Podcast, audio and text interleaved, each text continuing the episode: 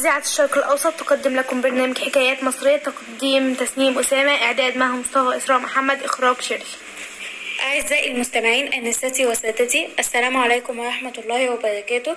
أهلا بكم في برنامجنا الإذاعي حكايات مصرية. سوف نتحدث اليوم عن تحقيق صحفي بمشكلة الع- العنف الأسري ومعنا الدكتورة إسراء محمد جابر في أول رأي من آراء هذا التحقيق. أهلا بحضرتك يا دكتور.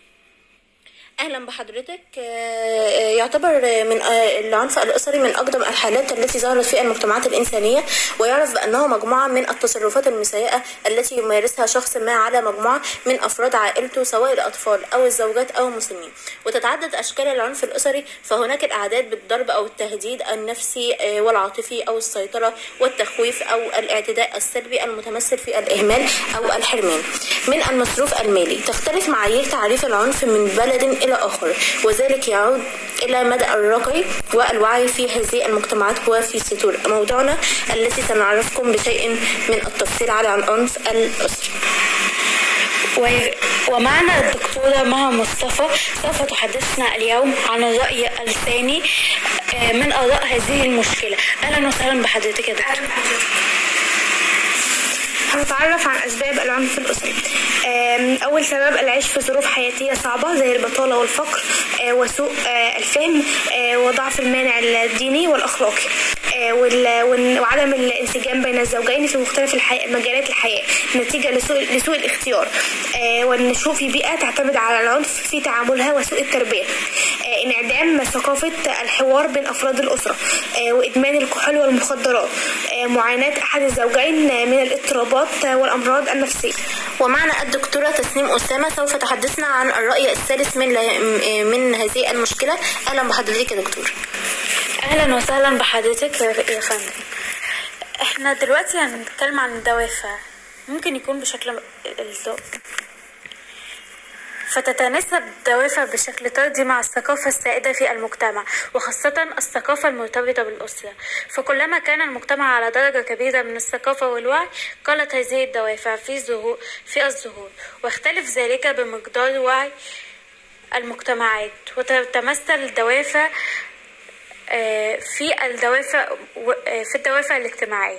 هناك مجموعة الدافع الاجتماعي دي زي آه، مجموعة من العادات والتقاليد السائدة في المجتمع والتي تقتضي أن يكون الرجل على قدر كبير من الرجولة في قيادة الأسرة استخدام القوة والعنف حيث تكون الرجولة بمقدار تطبيقية للقوة والعنف بحق أسرته. في كمان دوافع ذاتية. زي الدوافع الذاتية دي بتعرف إنه هي نوع من الدوافع له نتائج من نفس الشخص وذاته وهذا ما يؤدي لممارسة العنف الأسري وفي كمان دوافع اقتصادية تتمثل ذلك في تفريغ شحنات الفشل والخيبة والفقر الذي يظهر بممارسة العنف من الأب ضد أفراد ضد أفراد أسرته. ومعنا الدكتورة مها مصطفى سوف تحدثنا عن الرأي الرابع لهذه المشكلة. أهلا بحضرتك يا دكتور. أهلا بحضرتك. هنتعرف على نتائج العنف آه، تهديد كيان المجتمع. وذلك أن الأسرة هي النواة التي تشكل المجتمع وأي شيء يؤثر عليها وعلى كيانها يؤثر على المجتمع آم، من يتعرضون للعنف الأسري؟ يصابون بالعقد والإضطرابات النفسية. ومن الممكن أن تتطور لتصبح حالات مرضية. أو تصرفات عدائية وإجرامية. آه، تفكك الروابط العائلية وفقدان الثقة وعدم الشعور بالأمان بالإضافة إلى إمكانية تلاشي الأسرة وفقدانها لمكانتها. ارتفاع فرص ممارسة الشخص الذي تعرض للعنف الأسري آه، إلى نفس المنهج في المستقبل مع أفراد أسرته. ومعنا الدكتورة إسراء محمد سوف تعرفنا اليوم عن المشكلة الأخرى وهي الرأي الخامس لهذه المشكلة. وأهلا بحضرتك يا دكتورة أهلا بحضرتك. وحلول آه، هذه المشكلة ووصل وصول ضحايا العنف الأسري بالجهات المختصة المتاحة لتقديم المشورة اللازمة لها من خلال توفر خطوط ساخنة بينهما ومساعدة أولئك في حال لازم لازم للأمر.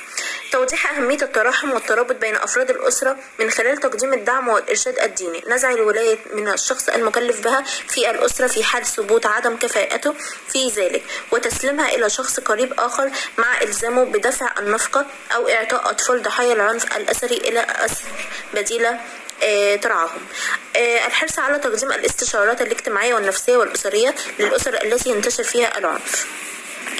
وفي نهاية هذا التحقيق نكون وأيضا آه، تعرفنا في هذا التحقيق عن مشكلة عن أسباب ودوافع ونتائج مشكلة العنف الأسري. وتوصلنا إلى الحلول هذه المشكلة. ونلقاكم في الحلقة القادمة من برنامجنا الإذاعي. والسلام علي والسلام عليكم ورحمة الله وبركاته.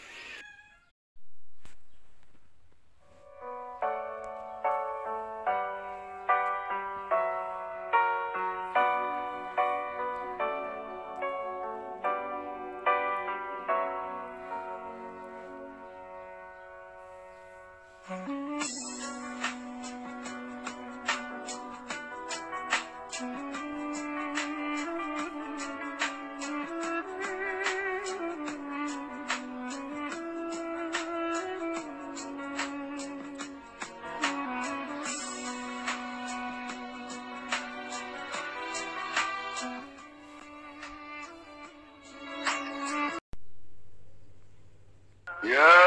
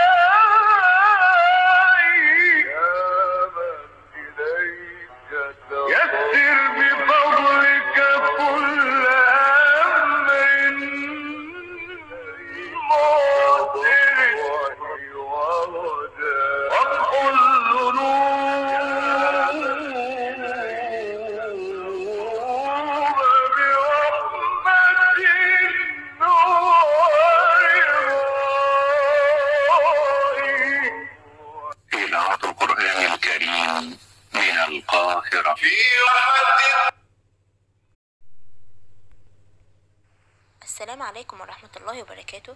أعزائي المستمعين أهلا وسهلا بكم في برنامجنا الإذاعي أسماء الله الحسنى تقديم إسراء محمد جابر. سوف نتحدث اليوم عن المسلمون حول العالم. سنبدأ بشعر إسلامي قصير. أهديكم أحبتي هذه القصيدة الرائعة عن القرآن الكريم. يا أيها الكلم العلي الشأن يا من أضد. غيابه غياب الإنسان فبذكر حرفك تطمئن قلوبه سوف نتعرف اليوم في هذا الحديث عن التاريخ الإسلامي. هو الذي يتضمن تاريخ العقيدة الإسلامية. كدينة وكما المؤسسة الاجتماعية بدأ التاريخ الإسلامي في الجزيرة العربية مع النبي صلى الله عليه وسلم وبدأت تلاوات القرآن الأولى في القرن السابع في شهور رمضان. ومع ذلك فإن الإسلام شهد نمو سريع ابتدت قوات المسلمين إلى ما وراء شبه الجزيرة العربية. في شكل إمبراطورية إسلامية واسعة مع نطاق والنفوذ التي امتدت من شمال وغرب الهند عبر آسيا الوسطى والشرق الأوسط وشمال أفريقيا وجنوب إيطاليا. إلى جبال البرانز وبعد قرن من وفاة النبي محمد صلى الله عليه وسلم الإمبراطورية الإسلامية. من آسيا إلى المغرب إلى الهند في الشرق وإمبراطوريات اللاحقة العباسية والفاطمية وسلطنة الصومالة كانت هذه الإمبراطوريات قوية ومؤثرة ومتميزة في العالم.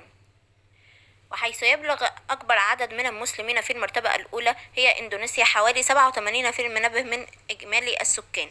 ويبلغ المرتبة الثانية في باكستان حوالي 96 من إجمالي عدد السكان الرتبة الثالثة. هي الهند 14% من المئة من إجمالي عدد السكان والمرتبة الرابعة هي بنجلاديش حوالي 90 من المئة. من إجمالي عدد السكان والمرتبة الخامسة هي جمهورية مصر العربية. والمرتبة السادسة هي دولة إيران حوالي 99 في المنبه. من الإجمالي عدد السكان ومن هنا نعلم أن المسلمون في شتى أنحاء العالم وليس من في مكان واحد فقط فهم في الشرق والغرب والشمال والجنوب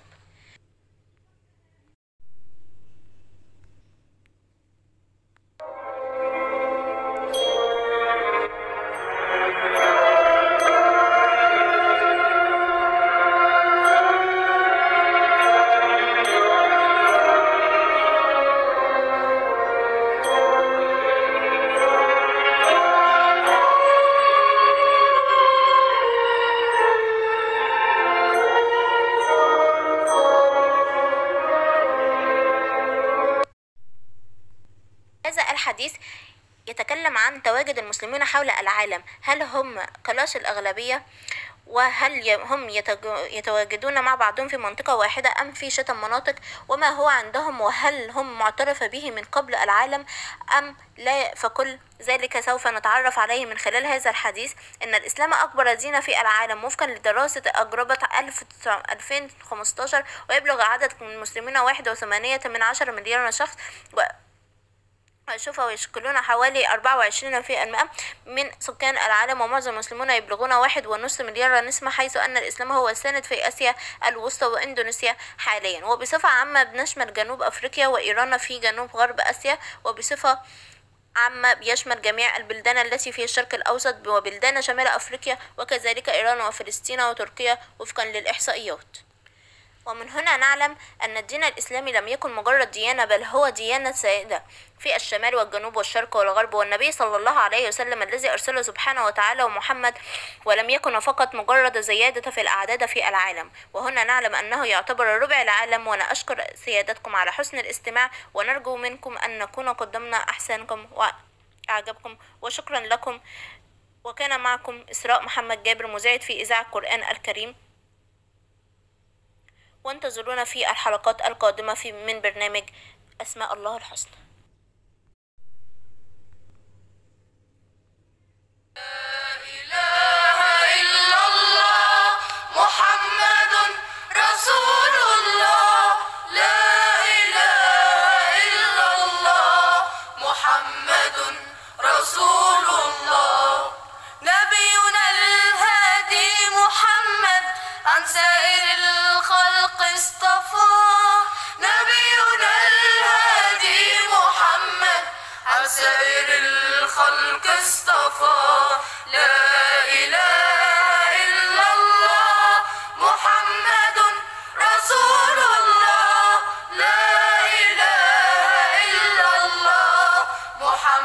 محمد